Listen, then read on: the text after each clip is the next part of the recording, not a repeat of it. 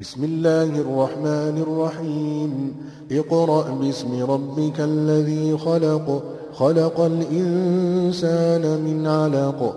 اقرأ وربك الأكرم الذي علم بالقلم. علم الإنسان ما لم يعلم.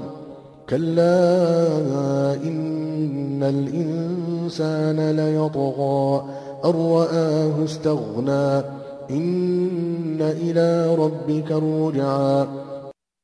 奉至人至此的安拉之名你应当奉你的创造主的名义而宣读他曾用血块创造人你应当宣读你的主是最尊严的他曾教人用笔写字，他曾教人知道。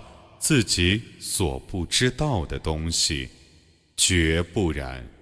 人却是被逆的，因为他认为自己是无求于人的。万物必定是归于你的主。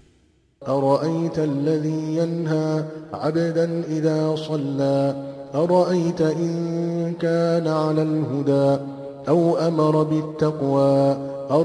إن كذب وتولى؟ ألم يعلم بأن الله يرى؟ كلا لئن لم ينته لنسفعا بالناصية ناصية كاذبة خاطئة. فليدع ناديه سندع الزبانية كلا لا تطعه واسجد واقترب 你告诉我吧，那个禁止我的仆人礼拜的人。你告诉我吧，如果他是遵循正道的，或是命人敬畏的。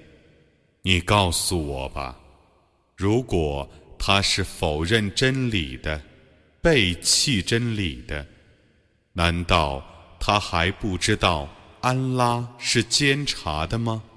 绝不然！如果他不停止，我一定要抓住他的额发。说谎者、犯罪者的额发，让他去召集他的会众吧。